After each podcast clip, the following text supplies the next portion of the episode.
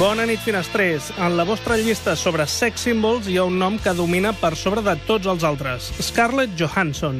A més a més, tenim una petició musical. La mateixa Scarlett Johansson fent una versió de Summertime. I clar, jo pensava, no m'estranya que vagi per davant. És una gran actriu, guapa, atractiva, amb un punt de morbo i veu molt sensual. No m'estic posant calent, és que recordeu que estem votant sex symbols. Però és que a sobre canta bé. I quin reduït grup d'actrius pot reunir totes aquestes qualitats? Poques. I, evidentment, les cantants reconvertides actrius no compten. Ni Rihanna, ni Madonna, ni Winnie Houston, ni Aliyah, ni Dolly Parton, ni Barbara Streisand, ni Lady Gaga, ni Beyoncé, ni Christina Aguilera, ni Miley Cyrus, Hannah Montana, etc. Només actrius de veritat que han aconseguit tenir una carrera més o menys seriosa en paral·lel com a cantants sense perdre credibilitat. N'hem triat set. Segur que n'hi ha més. No hem inclòs a Cher, per exemple, ja que va debutar abans com a cantant. Però posem aquesta cançó en homenatge perquè, com dirien alguns... Contigo empezó todo. Llevo mucho tiempo organizando bodas y puedo predecir con gran exactitud cuánto durará una pareja. ¿Sabes que Fran ha escogido el color verde para las damas de honor? Verde. Es el color del moho. La última novia que escogió el verde anuló su matrimonio en 12 días.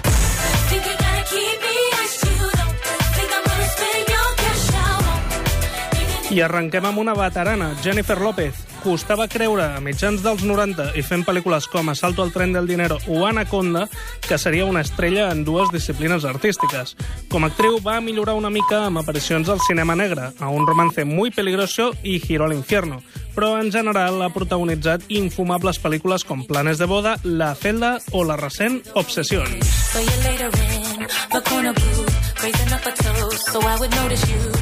Com a cantant, va debutar amb l'àlbum On the Six, a l'any 99. Combina pop i rhythm and blues. L'èxit va ser immediat. Ha publicat set àlbums més, tot i que no ha girat en concerts massa sovint. Actualment ven molt més com a cantant que com a actriu, i en qüestions de sex symbol depèn de cadascú. A mi no és de les que més m'agrada, tot i que el seu cul té un club de fans oficial. Altres diuen que el tema és gros. Vaja, vosaltres mateixos. Es difícil llegar a ser la primera de tu promoción. Pero yo lo tuve fácil. En casa solo aprendí a juzgar. Nunca perdonar. Absolver o condenar, pero juzgar. Siempre juzgar.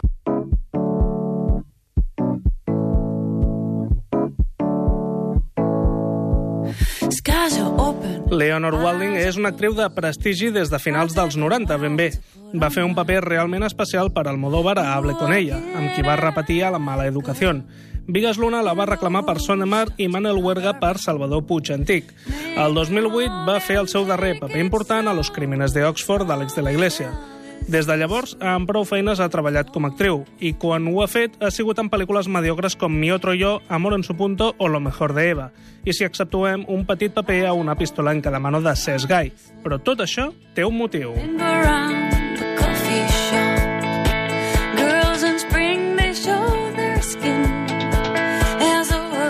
El 2004 apareixia el grup Marlango, que publicava el seu primer àlbum, titulat Marlango, justament, un grup de pop amb influència de jazz i de blues liderat per Leonor Walding, que s'ha guanyat l'èxit i el reconeixement des del primer dia. Des d'aquesta aparició, Leonor Walding s'ha dedicat bastant més a la música que al cinema.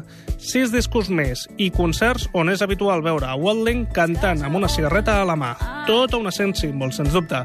Malgrat això, no està entre les meves tops. I per vosaltres? Me llamo Alice. Los supervivientes siguieron una señal de radio hasta Alaska. Pero solo encontré a uno. Umbrella.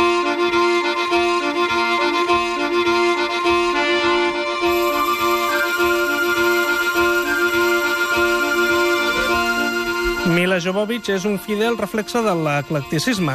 Té 40 anys i va néixer a l'antiga Unió Soviètica. De físic poderós i mirada profunda. Com a actriu, mai ha estat una superdotada. La vam descobrir a principis dels 90, a la segona part de Lago Azul i a Chaplin, on feia de Mildred Harris. Tot el que no té d'actriu ho té d'estrella. Va aconseguir impressionar a Luc Besson, que li va oferir els primers papers mediàtics, El Quinto Elemento i a Joana d'Arc. Però des del 2002, bàsicament, ha estat la famosa Alice de Resident Evil, de la que està protagonitzant la sisena entrega. Per cert, moltes d'elles dirigides pel seu marit, Paul Anderson. He's the prophet, blinded by the light. També ha exercit de model i de dissenyadora de moda i com a cantant va treure el seu primer àlbum al 1994, The Divine Comedy, tot i que no li ha donat massa continuïtat, amb prou feines dos senzills més, el 2012 i el 2013. Tot i que la seva bellesa és evident, reconec que a mi m'intimida una mica. La madre de Otto murió de repente. Y él nunca más volvió a ser el mismo.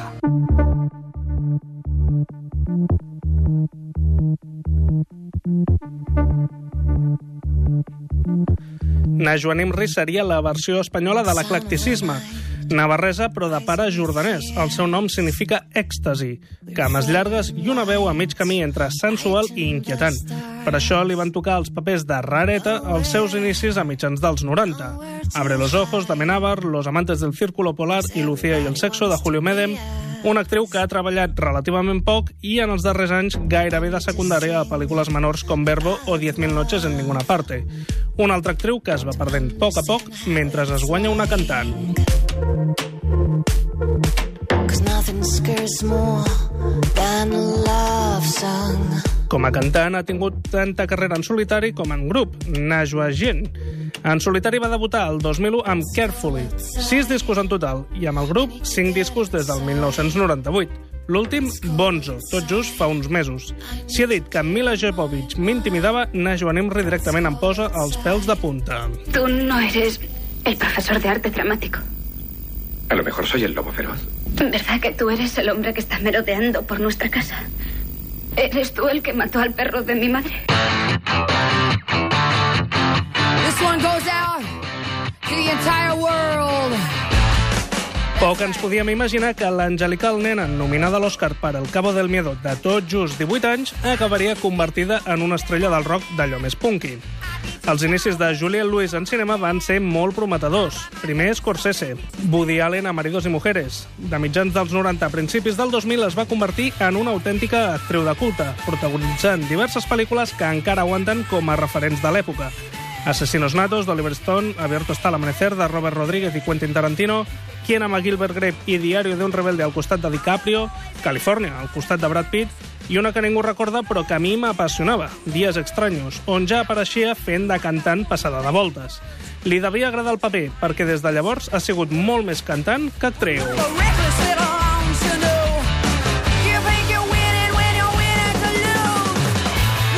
La veritat és que la seva carrera com a actriu no s'ha aturat, però només en pel·lícules d'ínfima qualitat que amb prou feines s'estrenen. Això sí, va reaparèixer com a secundària a agost. Com a cantant, va fundar el seu grup de rock, Juliet and the Leaks, amb el que des del 2004 ha publicat quatre discos amb un èxit considerable. De fet, la vaig poder veure en directe a la Sala Bikini el 2006 i va ser espectacular. Tots els respectes, doncs, per Juliette Lewis, actriu de culte i estrella de rock de veritat. Sex total amb la seva veu apagada i aquells ulls verds tan profuns, tot i que una mica passada de voltes. Això sí, ¿Cambiar el destino? ¿Tú crees eso? Sí, claro que sí. Te aseguro que en los próximos 50 años las Las personas... personas seguirán muriéndose. Seguirá lloviendo después de haber lavado el coche y los Rolling seguirán haciendo giras.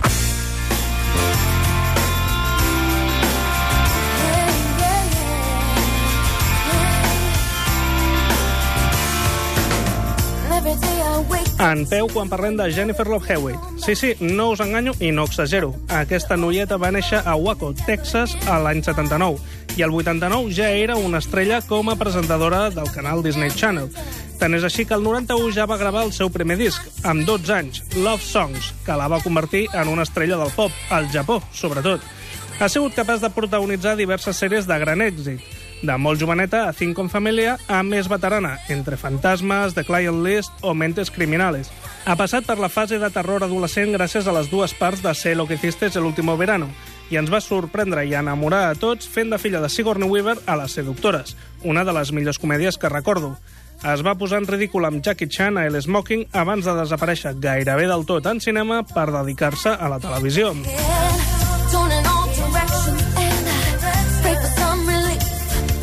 Encara va treure 5 discos més fins al 2007. Rostre i veu angelical, físic espectacular, nombre de la persona més sexy del món al 99 i de la televisió al 2008. Vaja, que Jennifer Love Hewitt és quasi la definició en si mateixa del concepte sex symbol. Llevo un tiempo sin ser muy social. Gracias. Por favor, espere mientras se inicia su sistema operativo. Hola, estoy aquí. Hola. Hola, soy Samantha.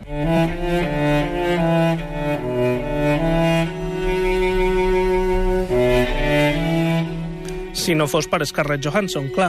Johansson és millor actriu, té millor veu, té més morbo i fins i tot en l'apartat físic, on en teoria perdria, es valora molt positivament alguna curva de més que la fan més natural i morbosa. Aquest morbo la va acompanyar ja des dels primers papers importants a El hombre que susurrava los caballos de Robert Redford o El hombre que nunca estuvo allí dels germans Coen. Poques vegades algú ha enamorat més i ha estat més icònica que l'Scarlett de Lost in Translation de Sofia Coppola. Seguida de la seva fase Woody Allen a Match Point, Scoop, Vicky Cristina Barcelona... Ha estat amb De Palma a la Dàlia Negra i ens va impactar a tots amb el seu atrevidíssim i despulladíssim paper de Under the Skin, tot i que reconeguem que últimament està un pèl massa entregada als papers comercials, fent de la Viuda Negra a Los Vengadores, de Lucy per Luc Besson o a la Isla de Michael Bay. And your mommy's good looking. Si el seu rostre i el seu cos són objecte de desig, encara ho és més la seva veu, semiafònica, que l'acompanya des de que gairebé era una nena. Aquesta veu ens va robar el cor fent de Samantha a Her i ens posarà la pell de gallina fent de la serp K al llibre de la selva. Se la va poder veure al Primavera Sound cantant sobre l'escenari per sorpresa. Ha gravat audiollibres i ha aparegut a videoclips de grans artistes com Bob Dylan. Ha gravat dos discos, un de versions de Tom Waits el 2008 titulat Anywhere I Lay My Head i a l'any següent un altre amb Peter Yorn anomenat Break Up. En conclusió, la reina dels sex symbols. But till that morning. Però aquí no fem discriminacions de cap tipus. Sí que la setmana que ve ens dediquem als sex símbols masculins. I ara escoltem una mica al Scarlett i Summertime, que era una de les excuses per fer aquest reportatge. Mommy standing by. Ba,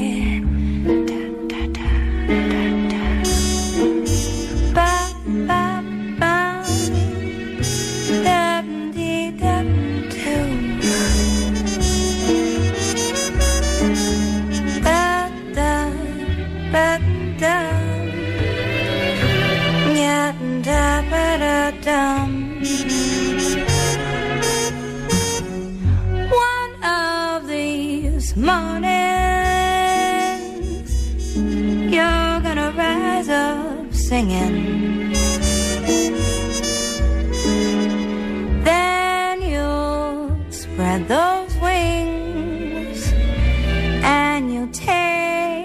Sky. But till that morning, there ain't a nothing can harm you.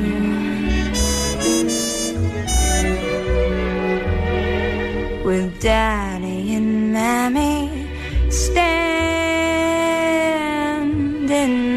by.